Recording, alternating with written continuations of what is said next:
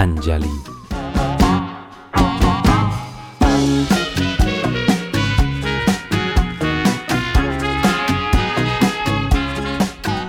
Amb els resultats de les eleccions municipals encara latents i a les portes d'uns nous comicis generals, aprofito per convidar els polítics que escoltin aquest podcast a practicar ioga, si encara no ho fan.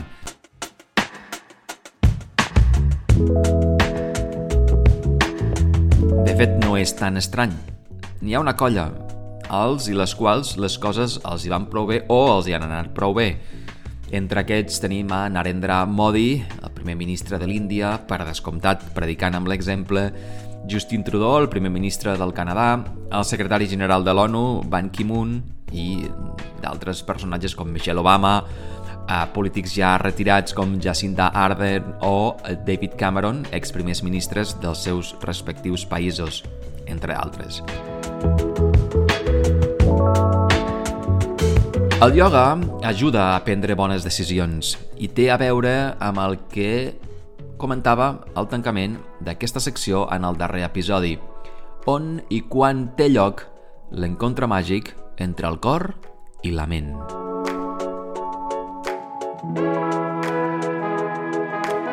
Des de ben aviat ens han explicat que els humans tenim fins a cinc sentits – tots ells orientats a entendre l'exterior. Cap d'aquests cinc sentits està preparat per fer el camí interior.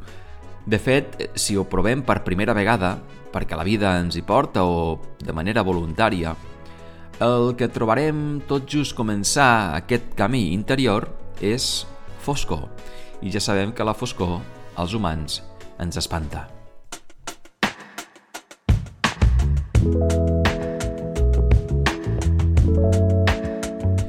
Surya Namaskar, on Surya significa sol i Namaskar, salutació en sànscrit, són les salutacions al sol i són una manera d'invocar la llum sagrada de l'astre per tal de poder fer avançar en aquest camí interior. El cas és que els humans anem més enllà dels cinc sentits.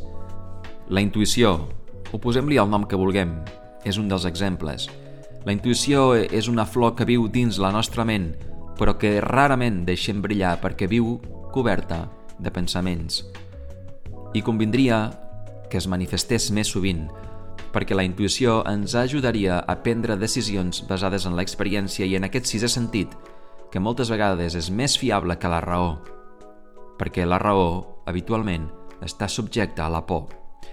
La intuïció, però, cal entrenar-la, cal viure-la per familiaritzar-s'hi. Llavors, com és que no ho fem? Doncs perquè ens n'oblidem. Perquè, com hem comentat, la intuïció és una flor que viu dins nostra, però viu coberta de pensaments. I aquí és on entra el ioga. El ioga ens ajuda a calmar l'activitat mental.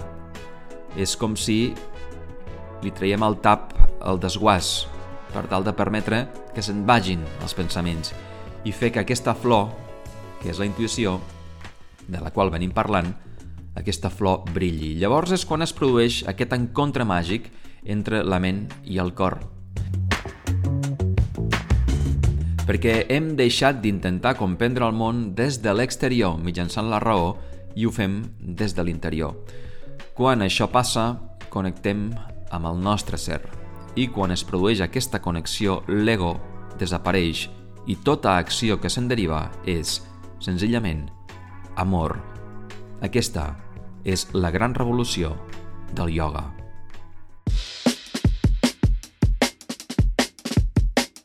El quiosc A l'episodi anterior vam veure la tercera i la quarta branca dels sutres de Patanjali.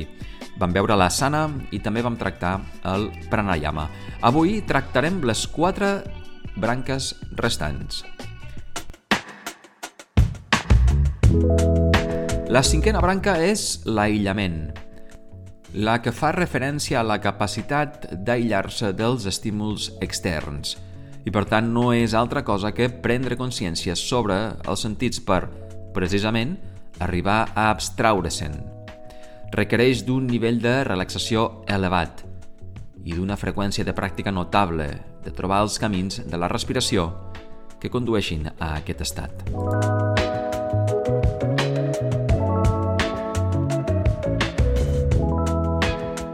La sisena branca és la concentració, un pas més en el camí de focalitzar la ment i d'aquesta manera evitar que es distregui.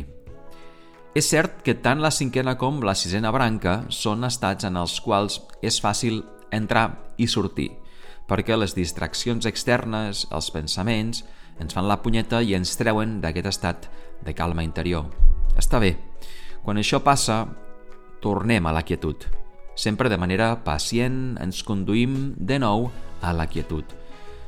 En aquestes dues branques, la respiració, la capacitat de conduir les exhalacions fins al punt de buidar-se, és fonamental. La setena branca és la meditació, una sensació dolça en la qual la ment entra en expansió i deixa d'estar dispersa en la seva activitat. És com si aturem el motor dels pensaments i ens focalitzem en sentir aquestes pessigolles agradables que ens ajuden a relaxar els músculs de la cara. Important, quan relaxem els músculs de la cara, relaxem també els òrgans vitals. Com més intensa és aquesta sensació, més profunda esdevé la concentració. darrer estat, la darrera branca dels sutres de Patanjali, és la unió, l'harmonia total, l'èxtasi. Per descomptat, és difícil transportar-s'hi en paraules perquè si abans deia que l'entrada a la meditació és un camí particular, el de la unió és uns quants quilòmetres més enllà. A més, els nivells d'intensitat també varien en funció de la pràctica. És qüestió de posar-s'hi i prendre molta paciència. La sana. A la sana d'avui veurem Utita Pars Vakonasana, o postura de l'angle lateral. És una de les meves asanes predilectes, perquè permet uns nivells d'expansió molt notables.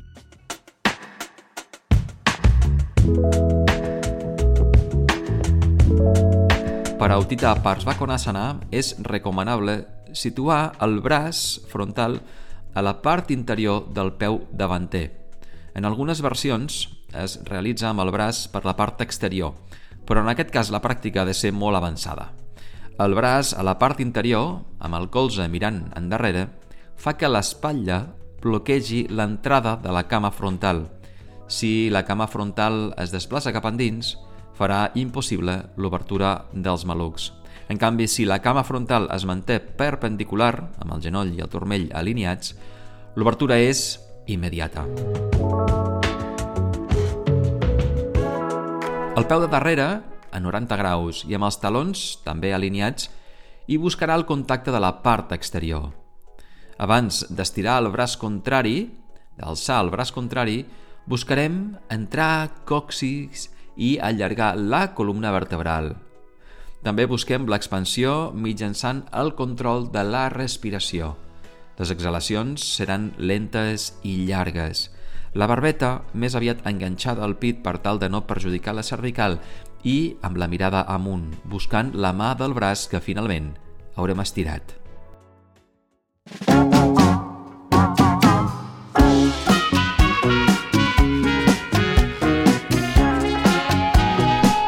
aquí l'episodi d'avui. Ens veiem la setmana vinent a les portes del retir que tindrà lloc al monestir de les Avellanes, a la Noguera. Serà un retir de tres dies en un entorn magnífic, envoltats de natura, on practicarem ioga, explorarem el camí interior, expressarem emocions a través de les aquarel·les amb la Mònica Voladeres, meditarem, riurem i ens ho passarem de conya. Si tens ganes de ser-hi, escriu-me a través de l'Instagram del carrer Patanjali. Una abraçada. ナマステ。